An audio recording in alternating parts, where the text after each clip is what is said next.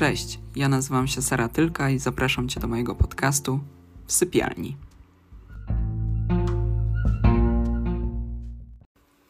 Ok, może zacznę od tego, że przez długi czas zastanawiałam się nad nagrywaniem podcastów e, i raczej byłam do nich zapraszana, e, między innymi do podcastu właśnie Ej Dziewczyny, także z tego miejsca pozdrawiam Ole, aczkolwiek jestem zwolenniczką robienia rzeczy samodzielnie, robienia rzeczy niezależnie, więc pomyślałam sobie, że podcast będzie takim rozwinięciem tego, co robię na Instagramie.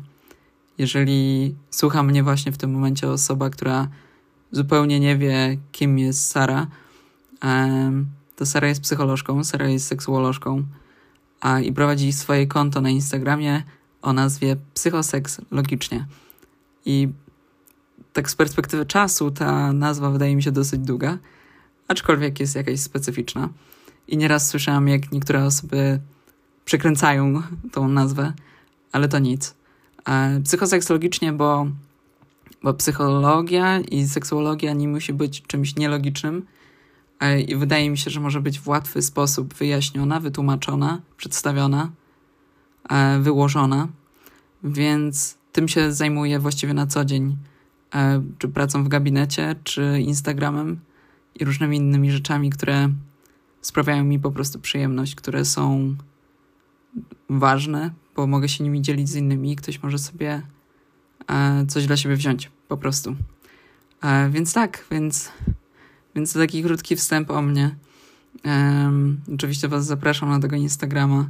E, tutaj właściwie tą formą podcastową chciałabym hmm, może rozwijać to, co nierozwinięte, to, czego nie potrafię napisać, albo to, czego nie potrafię zmieścić w, um, w instagramowych storiesu, storieskach, storiesach, więc, a, więc może to mówienie mi trochę pomoże.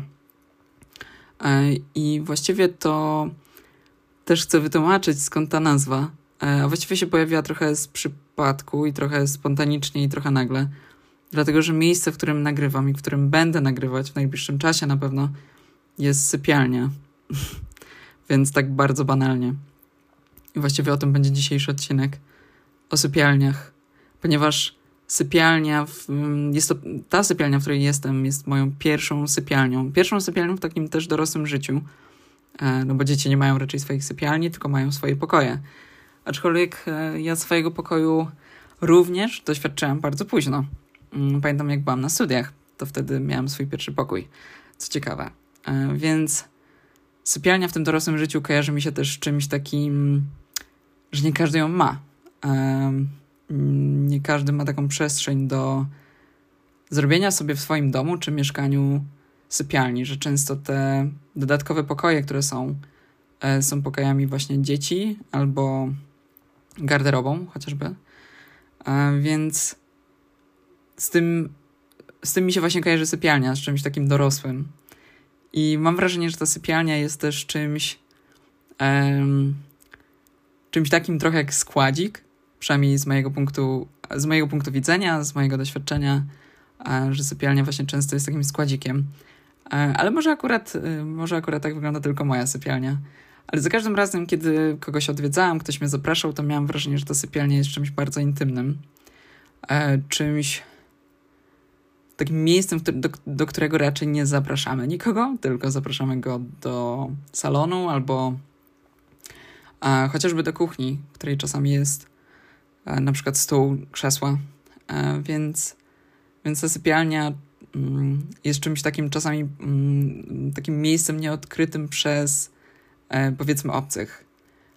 I służy nam do, mam takie wyobrażenie, że służy nam do wypoczynku, czy służy nam do spędzania czasu, chillowania, e, służy nam do e, trzymania tutaj różnych rzeczy w momencie, kiedy na przykład e, przychodzą goście i nie mamy co zrobić z tymi rzeczami, które są na przykład w salonie, albo rzeczami, które zostały gdzieś tam w łazience, na przykład ubraniami. I wtedy się wszystko pcha do tej sypialni, bo raczej, no właśnie, z założenia nikt z niej nie skorzysta, żaden gość z niej nie skorzysta. No chyba, że kogoś zapraszamy na noc, to co innego. No i właśnie tak sobie wyobrażam sypialnię mm, jako takie miejsce właśnie intymności, e, dwojga osób albo więcej. Każdy z Was może mieć po prostu zupełnie inne wyobrażenie na temat sypialni, tego jak wygląda, co w niej trzymamy. Mm, I też ile osób mm, właściwie zaprosiliśmy, zaprosiłyśmy do tej, do tej sypialni. Także e, uważam też, że każda sypialnia ma swoją historię. e, może to brzmi e, dziwnie, ale e, tak sobie pomyślałam, że każda sypialnia ma na pewno swoją historię.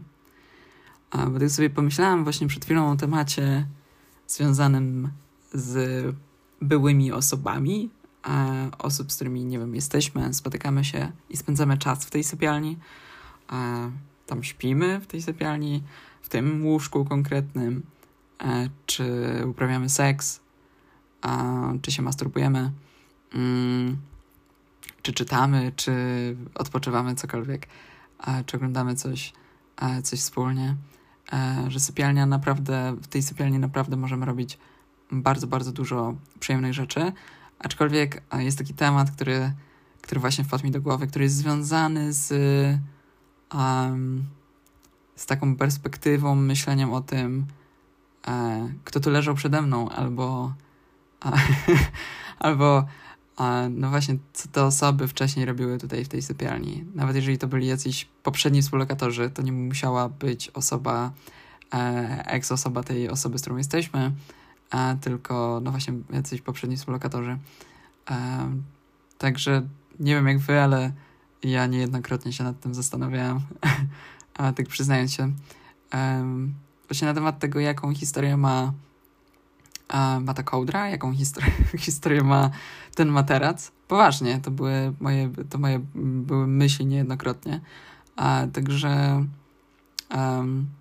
także nie wiem, może wy czasami też się na tym zastanawiacie, albo właśnie dałam wam, wszczepiłam wam po prostu tą myśl do głowy, że będziecie się teraz nad tym zastanawiać. Także i podobnie jest um, na przykład z gadżetami erotycznymi. Niektórzy z nas mają gadżety erotyczne i wykorzystują je w innych, innych relacjach, co ciekawe. I teraz taka może nieznana perspektywa dla wielu z Was. E, ostatnio dostałem takie zapytania od mm, pewnej osoby, co zrobić z gadżetami erotycznymi, którym, z, który, z których się już po prostu nie korzysta. A, I nie będzie korzystało. I okej, okay, mogą być takie gadżety erotyczne w porządku.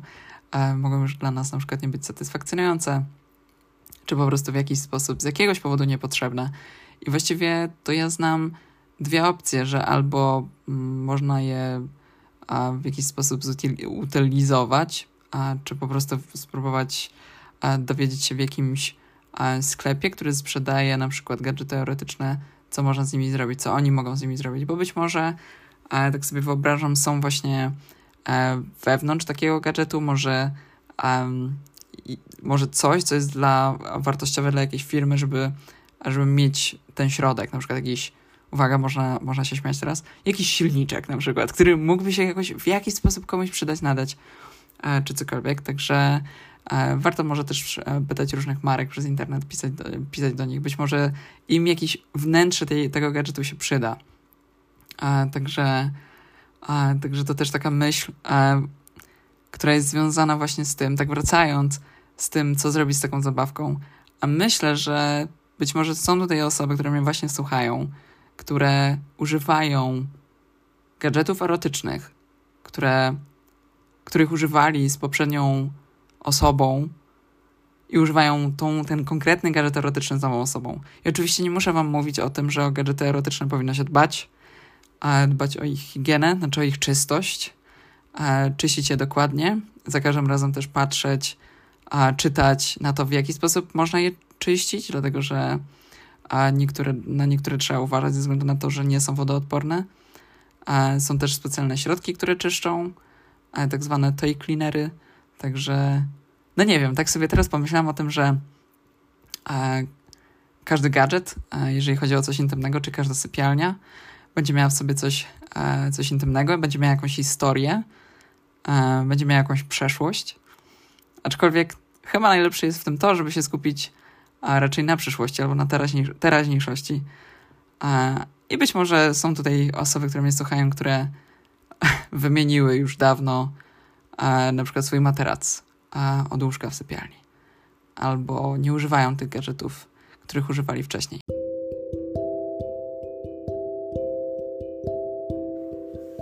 Okej, okay, to był taki właściwie wstęp, małe rozwinięcie. Jeszcze ten i inne tematy będziemy sobie e, poruszać w przyszłości. Podcast właściwie nie będzie tylko związany z e, seksem, czy nie tylko związany z psychologią. Właściwie mam, mam zamiar nieco spontanicznie e, wrzucać te nagrania, czy, czy po prostu tematy, które być może będą mniej bardziej ciekawe, ale ja przynajmniej będę miała poczucie, że, że rozwijam trochę to, co, to, o czym mówię, czy to, o czym piszę właściwie częściej, czy udostępniam na swoim Instagramie. Także to takie trochę dopełnienie. A ja po prostu chciałam się z Wami przywitać i dać znać, że, że jestem tutaj, w tym miejscu jeszcze i możecie mnie usłyszeć. Także dziękuję wszystkim osobom, które mnie wysłuchały. Podcast, ten odcinek akurat podcastu nie był długi, ale taki miał być. Więc, więc tak, do następnego.